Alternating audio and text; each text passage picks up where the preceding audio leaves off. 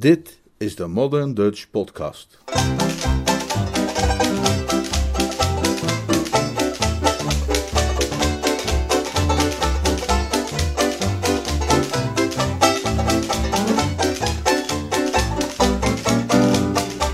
Vandaag het tweede deel van Jeeves en de oude schoolvriendin door P.G. Woodhouse uit de bundel Uitstekend Jeeves. Vertaald en voorgelezen door Leonard Beuger. Korte inhoud van het voorafgaande.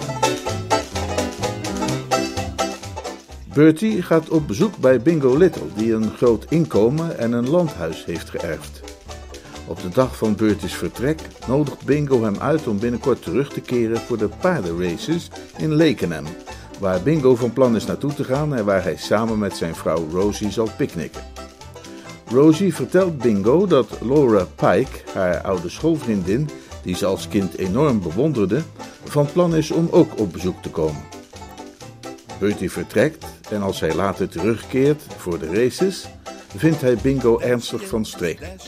Laura Pike bekritiseert de voedingsgewoonten van anderen en met name ook die van Bingo.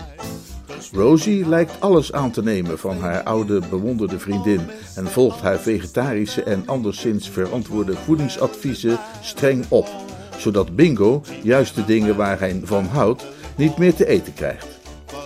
Bertie bemerkt zelf tijdens een diner met de Littles en Laura Pike hoezeer die laatste Bingo bekritiseert. Bertie is bezorgd dat Pike de manier waarop Rosie haar man bekijkt zal bederven en vraagt Jeeves om een manier te bedenken om Bingo te helpen.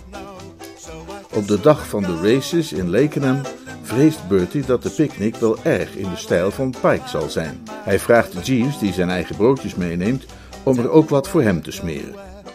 Bingo pakt intussen echter veel smakelijk, doch stellig onverantwoord voedsel in de picknickmand. Bij aanvang van de races wordt vastgesteld dat de picknickmand kennelijk niet is meegekomen.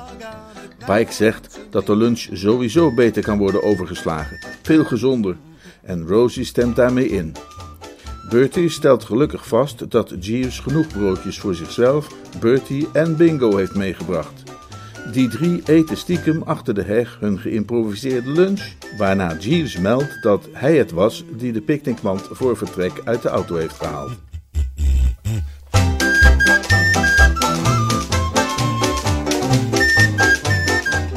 Jij? Jeeves? vroeg ik en me dunkt dat ik dezelfde toon hanteerde als die waarop Caesar gesproken moet hebben toen hij constateerde dat zelfs Brutus hem te lijf ging met dat scherpe voorwerp. Wil jij mij nu vertellen dat jij het was die notabene met voorbedachte raden, als dat de uitdrukking is die ik zoek? Ja, meneer. Het leek mij de verstandigste wijze van handelen. Het zou naar mijn mening niet verstandig zijn geweest om mevrouw Little in haar huidige geestesconditie een getuige van te laten zijn hoe de heer Little een maaltijd verorberde van een aard en samenstelling als die waarover hij vanmorgen sprak. Dat is waar, Jeeves, zei ik bedachtzaam. Ik begrijp wat je bedoelt, ja. Als vriend Bingo een tekortkoming heeft, dan is het dat hij zich in de aanwezigheid van een stapel boterhammen wel eens wat al te zeer te buiten gaat. Ik heb wel eens eerder met hem gepicnict, nogal eens vaak zelfs, en zijn persoonlijke methode om de gemiddelde boterham met ham te lijf te gaan, doet sterk denken aan de wijze waarop de leeuw, de koning der dieren, zijn tanden zet in zijn dagelijkse antiloop. Komt er ook nog kreeft en koude kip bij kijken, dan moet ik toegeven dat de aanblik inderdaad wel eens te veel zou kunnen worden voor de aanwezigen. Maar ja, desondanks, eh, misschien zou je toch. Er is natuurlijk ook nog een ander aspect aan de zaak, meneer. Oh ja? Welk dan? Een lange dag in deze pittige herfstlucht door te brengen zonder voedsel, zou mevrouw Little ook wel eens op enigszins andere gedachten kunnen brengen met betrekking tot de diëtaire opvattingen van juffrouw Pike. Nou, zet dat maar uit je hoofd, Jeeves. Het is algemeen bekend dat de houding van de vrouw ten opzichte van de lunch uitermate luchtig en losjes is. Als je nu eens op de een of andere manier kon regelen dat mevrouw Little zich verplicht zag haar theeuurtje over te slaan. Maar ja, dat zijn natuurlijk ijdele dromen, Jeeves. Het spijt me, Jeeves, maar dat plannetje van jou was van het begin af aan gedoemd tot niets. Noppes, niente. Er rest ons niets anders, vrees ik, dan terug te gaan naar de baan en te proberen onze zorgen te vergeten door een paar boekmakers eens flink uit te kleden. Nou ja, en zo tikten de uren traag voorbij, om het zo maar eens te zeggen. Ik kan niet bepaald beweren dat ik mij erg amuseerde. Ik was er niet echt met mijn hoofd bij, als u begrijpt wat ik bedoel. Verstrooid, als het ware. Af en toe strompelde er over de baan een kudde kreupele paarden voorbij van boeren uit de buurt met die boeren er bovenop, maar ik staarde ernaar met vutloze blik. Wil een mens een beetje de smaak te pakken krijgen van dit soort landelijke bijeenkomsten, dan is een goede, stevige lunch een essentiële voorwaarde. Schrapt die lunch en wat is het gevolg? Lusteloosheid. Ik betrapte mij die middag niet eenmaal, maar meerdere malen op onvriendelijke gedachten jegens Jeeves. Zijn vermogens leken sterk af te nemen. Een kind zou hem hebben kunnen vertellen dat dit waardeloze plannetje van hem niet de geringste kans van slagen had. Ik wil maar zeggen, als je bedenkt dat de gemiddelde vrouw vindt dat ze uitgebreid heeft geluncht wanneer ze twee bitterkoekjes, een half chocoladesoesje en een glas frambozenlimonade genuttigd heeft, zou ze dan beginnen te rammelen als je haar tussen de middag een boterhammetje onthoudt? Natuurlijk niet. Volkomen belachelijk. Te gek voor woorden. Alles wat Jeeves had bereikt door zo ontzettend slim te willen zijn, was mij het gevoel geven dat er een roedel vossen aan mijn ingewanden zat te knagen. Ik wilde erg graag naar huis.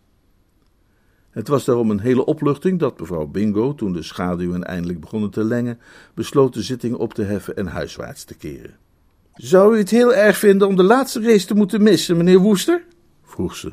Wel nee, daar ben ik helemaal voor, antwoordde ik hartelijk. De laatste race is voor mij allerminst van levensbelang. Bovendien heb ik met wedden tot nog toe zes en een halve shilling gewonnen en het is altijd beter om te vertrekken als je aan de winnende hand bent. Laura en ik zouden namelijk graag wat eerder naar huis gaan. Ik begin erg trek te krijgen in mijn kopje thee. Bingo wil nog wat hier blijven, dus misschien wilt u ons in onze wagen naar huis rijden. Dan kan Bingo ons later achterna komen in die van u, samen met Jeeves. Nou, dat is prima hoor. U weet de weg? Oh jawel, de grote weg tot aan de afslag bij de vijver en dan verder binnendoor. Daar kan ik u dan wel de weg wijzen. Ik liet Jeeves de auto even ophalen en een ogenblik later waren we vrolijk onderweg. De middag was maar kort geweest en de avond, die nu begon te vallen, was wat erg frisjes en mistig. Hij ontwikkelde zich al snel tot het soort van avond waarin de gedachten onweerstaanbaar afdwalen in de richting van grote glazen whisky grog met een flinke scheut citroen. Ik hield het gaspedaal stevig ingedrukt en de vijf of zes mijl grote weg legden we snel genoeg af. Nadat ik bij de vijver in oostelijke richting was afgeslagen, moest ik aardig wat snelheid minderen, want we kwamen nu in een gebied terecht waar de omstandigheden het autorijden niet echt bevorderden. Ik ken geen ander deel van Engeland waar men zich als chauffeur zozeer in de wildernis verdwaald voelt als op de kleine weggetjes van Norfolk. Zo af en toe kwamen we wel eens een koe tegen, en soms wel eens twee, maar verder hadden we de ganse wereld compleet voor onszelf. Die whisky grog kwam mij opnieuw voor ogen. En hoe vaker ik eraan dacht, hoe aantrekkelijker die er begon uit te zien. Heel mal eigenlijk hoe mensen verschillen in hun keuze als het gaat om de specifieke alcoholische versterking die ze in bepaalde omstandigheden menen nodig te hebben. Dat is weer het persoonlijk psychologisch profiel waar Jeeves het altijd over heeft. Sommige mensen in mijn situatie zouden een moord hebben gedaan voor een groot glas bier, terwijl volgens de verschrikkelijke Pike, zoals ze me op weg hierheen had verteld, de ideale hartversterker bestond uit een kopje met het lauwe aftreksel van sinaasappelschillen en pitten, of bij gebrek daaraan iets wat zij vruchtenextract noemde. Dat maak je kennelijk door rozijnen in koud water te laten weken en er dan het sap van een hele citroen aan toe te voegen. Hmm. Ik neem aan dat je dan vervolgens een stel van je beste vrienden uitnodigt voor een echte orgie, waarna de stoffelijke resten de volgende ochtend worden begraven. Persoonlijk bezat ik op dat punt geen enkele twijfel. Ik was daar heel stellig in. Voor mij was het een hete whisky grog met de nadruk op whisky, als u begrijpt wat ik bedoel, en wat minder op de H2O. De kelk leek mij reeds toe te lachen van over de mistige velden en mij te wenken en toe te roepen: Bertram, houd moed, het zal niet lang meer duren. En met nieuwe energie trapte ik dan het gaspedaal weer in en probeerde ik het wijzertje naar de zestig te drijven. In plaats daarvan bibberde het bliksemse ding, als u mij volgen kunt, een poosje rond de 35 en gaf er daarna helemaal de brui aan. Volkomen plotseling en onverwacht, voor niemand verrassender dan voor mijzelf, rochelde de wagen nog even als een eland die onpasselijk wordt, om er daarna definitief mee op te houden. En daar stonden we dan, ergens midden in Norfolk, bij invallende duisternis, terwijl een koude wind met het aroma van guano en mangelwortel ons onderzoekend langs de kille ruggengraat tastte. Er klonken verbaasde geluiden van de achterbank. Wat is er aan de hand? Wat is er gebeurd? Waarom rijd je niet verder? Waar stop je nu voor? Ik legde het uit. Ik stop nergens voor, dat doet de wagen. En waar stopt de wagen dan voor? Ah, kijk, zei ik met een ferme openheid die mij niet weinig sierde. Daar heb je me te pakken. Ziet u, ik ben een van die figuren die wel veel achter het stuur zitten, maar die op geen stukken na weten hoe hun auto werkt. Mijn modus operandi is instappen, starten en de rest overlaten aan de elementen. Als iets fout gaat, roep ik luid om de wegenwacht. Het is een doorgaans heel bruikbaar systeem dat echter in het huidige geval tekortschoot door een pijnlijk gebrek aan wegenwachters binnen redelijke roepafstand. Ik legde een en ander geduldig uit aan mijn charmant gezelschap, maar het venijnige tssst dat ik van de vreselijke pijk als antwoord ontving, leek mij dwars door de schedel te snijden. Gezegend als ik ben met een enorme kudde vrouwelijke verwanten, mag ik mij nogal een kenner noemen van tssst geluiden. En de Pike-versie zou ik beslist in de A-klasse willen indelen, gezien de overeenkomst qua timbre en brio met die van mijn tante Agatha. Misschien kan ik er wel achter komen wat het probleem is, zei ze, gelukkig al wat kalmer. Ik heb verstand van auto's. Ze stapte uit en begon in het ingewand te turen onder de motorkap. Ik overwoog nog even om te opperen dat het misschien de spijsverteringssappen waren van het apparaat die ons in de steek gelaten hadden bij gebrek aan meervoudig onverzadigde vetzuren, maar besloot uiteindelijk daar toch maar van af te zien. Ik ben nogal een scherp waarnemer en het scheen me toe dat ze misschien niet zo voor dit soort opmerkingen in de juiste stemming was. En toch zat ik er in feite niet eens zo heel ver naast, eigenlijk. Want na een tijdje verontrust aan de motor te hebben gefrunnikt, werd het mens plotseling getroffen door een idee. Dit idee werd getoetst en juist bevonden. Er zat geen druppel benzine meer in de tank. Stond droog. Met andere woorden, het ontbrak volledig aan al dan niet verzadigde enkel- en meervoudige vetzuren. Waar het op neerkwam was dus dat wij ons nu genoodzaakt zagen de brave kar verder geheel en al op zuivere wilskracht thuis te zien krijgen. Ik had het gevoel dat, hoe je deze ongelukkige gebeurtenis ook beschouwde, de dames mij er althans niet de schuld van konden geven. Dat gaf mij niet weinig goede moed. Ik waagde mij zelfs aan een oprecht. Nou, nou, nou. Geen benzine, zei ik. Hoe bestaat het? Maar Bingo zei vanmorgen nog tegen me dat hij de tank zou volgooien, zei mevrouw Bingo. Dat zal hij dan wel weer vergeten hebben, zei de verschrikkelijke Pike. Echt iets voor hem. Wat wil je daarmee zeggen? vroeg mevrouw Bingo, en ik hoorde in haar stem een lichte zweem van, hoe heet het? Ik bedoel dat hij toch precies het soort van man is dat vergeet om de tank vol te gooien? Antwoordde zij van Pijk, die nu ook een tikje geëmotioneerd leek te raken. Nou, je zou me een groot plezier doen, Laura, zei mevrouw Bingo, opeens helemaal het dappere vrouwtje dat haar man verdedigt, als je ervan zou willen afzien mijn echtgenoot te bekritiseren. Tss, zei La Pike. En hou op met dat getss, zei mevrouw Bingo. Nou, ik tss, zoveel als ik zelf wil, repliceerde onze Pike. Dames, dames, zei ik. Dames, dames, dames. Dat was heel onnadenkend van me. Als ik er nu zo aan terugdenk, zie ik dat zelf ook wel. Een van de eerste lessen die het leven ons leert, is dat bij dit soort gevallen van onderling geschil tussen leden van het tedere geslacht, een man er goed aan doet zich op enige afstand terug te trekken, zich ineen te rollen tot een soort van bal, en ook verder de voorzichtige tactiek na te volgen van de buidelrat, die bij dreigend gevaar zich voordoet als dood, waarbij hij niet zelden lakens voor de ramen hangt en aan familie en vrienden vraagt wat klagelijk bijeen te gaan staan, mompelend dat het allemaal heel vreselijk is. Het enige resultaat van mijn vredelievende poging tot bemiddeling was dat het mens van Pike zich nu als een gewond luipaardwijfje op mij stortte. Zo, zei ze. En wat was u van plan hier aan te gaan doen, meneer Woester? Tja, wat, wat kan ik doen? Er staat daar ginder een huis. Ik zou toch denken dat het zelfs binnen uw mogelijkheden zou kunnen liggen daar eens te gaan aankloppen om een blik benzine te lenen. Ik keek. Ginder stond inderdaad een huis, en achter een van de vensters op de benedenverdieping brandde licht, wat voor de geoefende speurder aanleiding kon zijn om te veronderstellen dat wellicht een der bewoners aanwezig was. Een intelligent en bruikbaar voorstel, zei ik op zo innemend mogelijke toon. Ik zal eerst eens even op de toeter toeten om te laten horen dat er volk is en er dan meteen heen lopen. Ik toeterde en met uiterst bevredigend resultaat.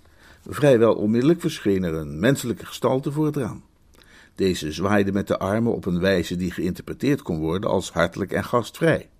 Hierdoor aangemoedigd haastte ik mij naar de voordeur en gaf een vrolijke roffel met de klopper. Er ging, had ik het gevoel, iets gebeuren. Mijn eerste roffel had geen effect. Ik had de klopper juist vastgegrepen voor een reprise, toen hij aan mijn hand werd ontrukt. De deur vloog open en voor mij stond een vent met een bril op, en overal rondom die bril een uitdrukking van gespannen smart. De vent koesterde overduidelijk een verholen leed. Uiteraard speet mij zijn droefenis, maar daar mijn eigen situatie ook niet helemaal rooskleurig was, viel ik toch maar meteen met de deur in huis. Uh, uh, pardon, begon ik mijn verhaal. Het haar van de vent piekte naar alle kanten op zijn hoofd en alsof hij vreesde dat het zonder de nodige hulp niet in die positie kon blijven, haalde hij er op dat moment zijn hand door. Onderwijl merkte ik voor het eerst op dat zijn brillenglazen een vijandelijke glans vertoonden. Waar jij dat in die zakkerse herrie maakte? vroeg hij. Uh, ja, zei ik. ik. Ik toeterde. Als je nog één keer durft te toeteren, hè? Eén keer, zei de vent op heese, kelige toon. Dan maak ik met deze hand persoonlijk gehakt van je. Mijn vrouw is een avondje weg en is weer na uren van hard werken en engelen geduld eindelijk gelukt om de baby in slaap te krijgen. En dan kom jij hier even bij herrie staan schoppen met je waanzinnige toeten. Maar dat zakken je voor nodig, alle vergaren. Eh, nou ja, je hebt me gehoord, zei de vent samenvattend. Nog één zo'n toet, of zelfs maar de kleinste, voorzichtigste suggestie van de schaduw van het idee van iets dat waar ook maar in de verste verten op een toet zou kunnen liggen. En mogen de heren je zielswaardig zien. Ja, waar ik eigenlijk voor kom, is, is benzine. Ja, en waar ik kan kriegen, dat is een klap voor je kop, repliceerde de vent. Waarop hij de deur sloot met de subtiele behoedzaamheid van iemand die een vlieg verjaagt van het lichaam van een slapende Venus en uit mijn leven verdween. Vrouwen, en dan heb ik het over dat hele geslacht, zijn in het algemeen geneigd weinig waardering te koesteren voor de verslagen krijger. Toen ik terugkwam bij de auto, werd ik daar niet erg juichend ontvangen. De mening scheen bij de dames te hebben postgevat dat Bertram zich niet onderscheiden had op een wijze die eer deed aan zijn voorvaderen die ooit ter kruistocht voeren. Ik deed mijn best om een en ander glad te strijken, maar u weet hoe het gaat.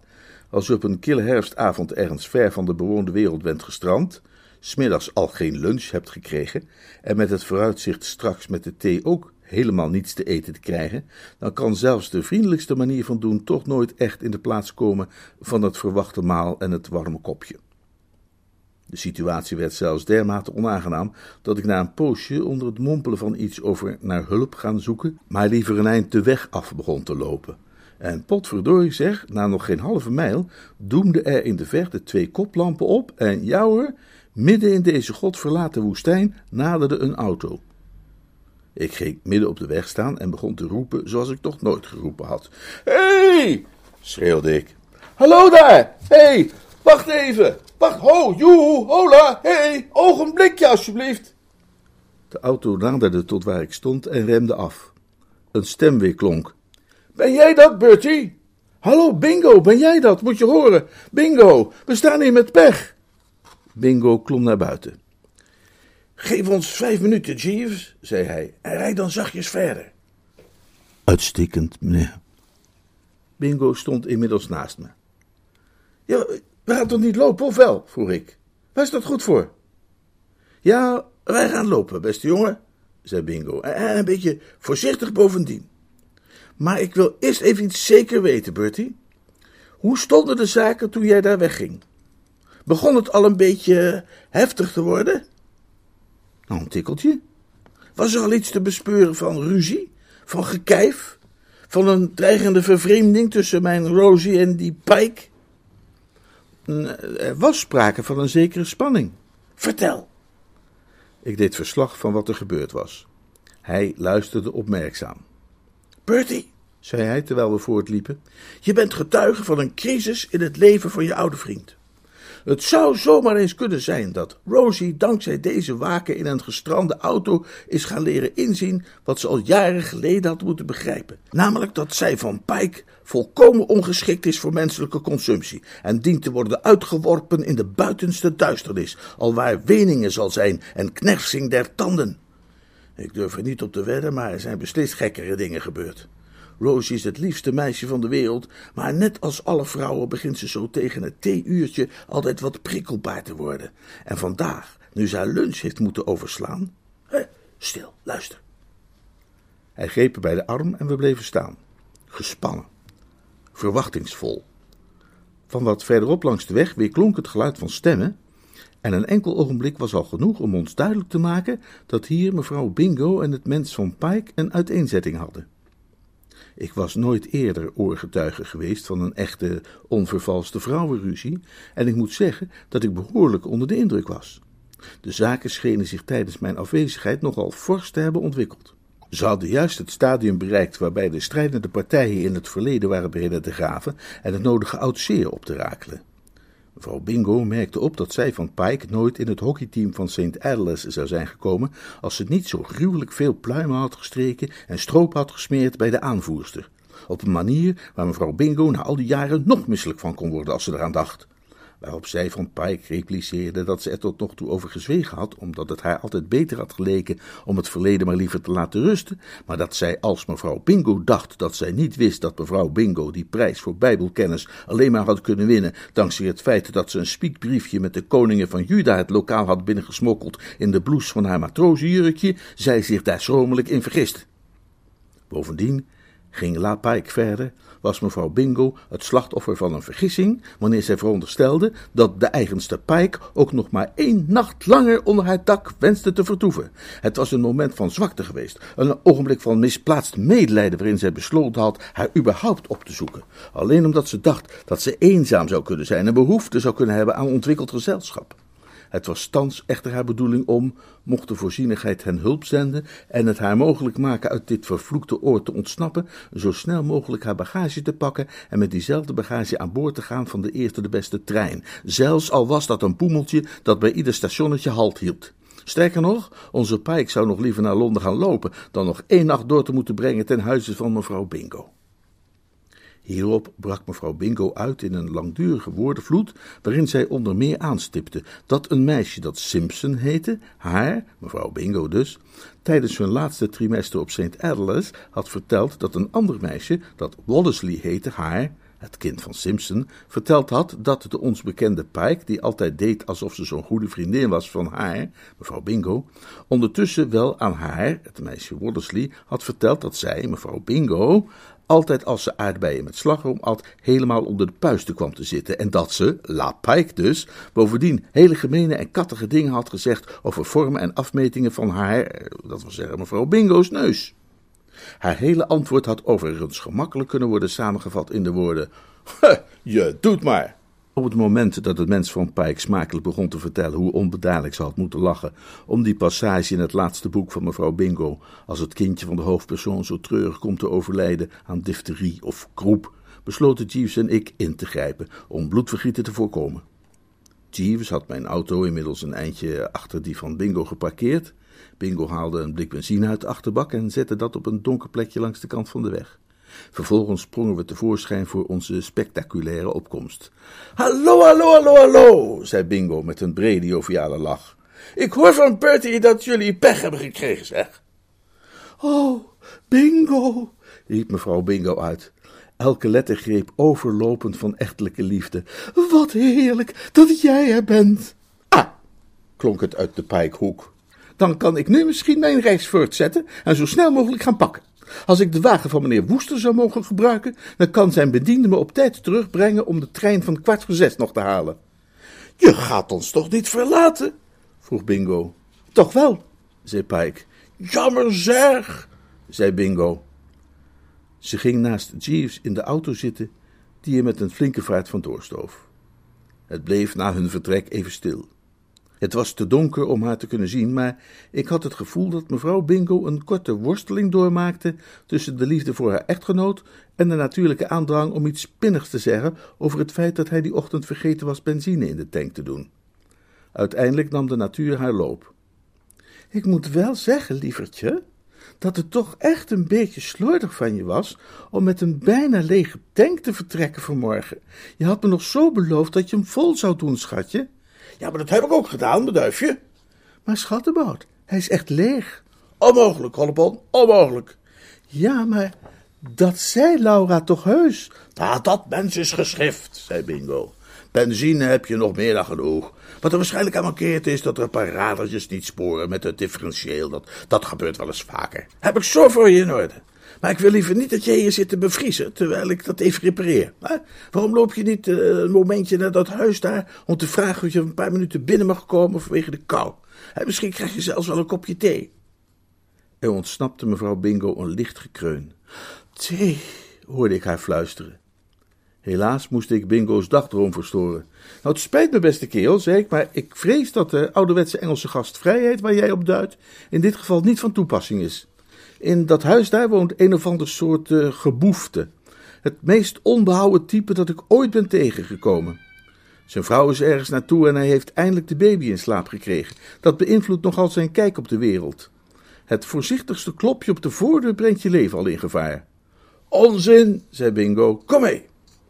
Hij gaf een dreun met de klopper, wat een onmiddellijke reactie tot gevolg had. Zakaru! riep het geboefte, dat als een duvel uit een doosje tevoorschijn kwam. Hallo zeg, zei onze bingo. Ik ben daar ginds even mijn auto aan het repareren. Vindt u het goed dat mijn vrouw even bij u binnenkomt? Het is buiten zo koud. Nee, zei het geboefte, dat vind ik helemaal niet goed. Misschien heeft u zelfs wel een kopje thee voor haar. Nou, misschien heb ik dat wel, zei het geboefte, maar dat krijgt ze niet. Ze krijgt het niet? Nee, en praat er godsnaam niet zo hard. Ik weet hoe die baby is. Hè? Het is soms al helemaal mis als je alleen maar een beetje flustert. Begrijp ik dat dan goed, zei Bingo. Weigert u om mijn vrouw een kopje thee te geven? Ja. U laat het arme mens dus rustig verhongeren en verdorsten. Ja. Hoe nou, dat dacht ik toch niet, sprak onze Bingo. Ofwel, u gaat nu regelrecht naar de keuken en zet die ketel op en begint brood te snijden voor de toast met boter. Ofwel, ik begin te schreeuwen en maak de baby wakker. Het geboefte werd asgrauw. Dat meen u niet, hè? En of ik dat meen? Heeft u dan geen hart? Nee. Geen gevoel voor de medemens? Nee. Het geboefte wendde zich tot mevrouw Bingo. Zijn verzet was zichtbaar gebroken. Heeft u krakende schoen? vroeg hij nederig. Nee. Hoe dan maar binnen. Dank u wel, zei mevrouw Bingo. Ze keek Bingo even aan met in haar ogen de blik die een belaagde jonkvrouw geschonken zou kunnen hebben aan haar ridder, terwijl hij zijn manchette recht trok en zich definitief afwendde van de verslagen draak. Een blik van bewondering was het, bijna een van oprechte verering. Precies het soort blik eigenlijk dat een echtgenoot graag ziet bij zijn vrouw. Liefste, zei ze. Liefste, zei Bingo. Mijn engel, zei mevrouw Bingo. Mijn schat, zei Bingo, kom mee Bertie, we gaan even naar die wagen kijken.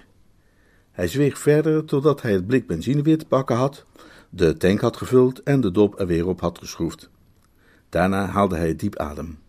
Bertie, zei hij, ik schaam me te moeten toegeven, maar er zijn momenten geweest in de lange periode dat wij elkaar kennen, dat ik wel eens even, zei het tijdelijk, mijn vertrouwen in Jeeves heb verloren.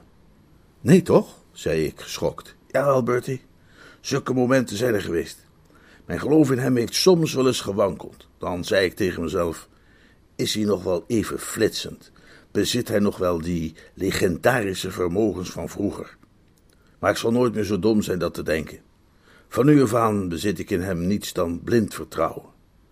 Het was van hem afkomstig, Bertie, het idee dat als een stel vrouwen onderweg naar de theetafel plotseling, om zo te zeggen, zich de beloofde kop van de lippen gerukt ziet, zich op elkaar zal storten en elkaar verscheuren. En je ziet het resultaat. Maar Jan Dori, Ties kon toch niet weten dat de wagen motorpech zou krijgen? Integendeel. Toen jij hem de wagen liet halen, heeft hij eerst alle benzine uit de tank laten lopen. Op een klein beetje na. Net genoeg om jullie ergens in de wildernis te laten stranden, buiten het bereik van eventuele hulptroepen. Hij voorzag wat er dan zou gebeuren. Ik verzeker je, Bertie, Zoals Jeeves is er geen tweede. Inderdaad, Hij is een mirakel. een wonderman. Een genie. Een bikkel, stemde ik met hem in. Een en al meervoudig onverzadigde vetzuren. Vlijmscherp geformuleerd, besloot vriend Bingo. En laten we dan nu maar naar Rosie gaan om te vertellen dat de auto is gerepareerd. En daarna naar huis voor een groot glas bier. Geen groot glas bier, knabo, sprak ik resoluut. Een hete whisky grog met een flinke scheut citroen. Ah, je hebt helemaal gelijk, zei Bingo. Wat voel jij zulke dingen toch geweldig goed aan, Bertie? Een hete whisky grog.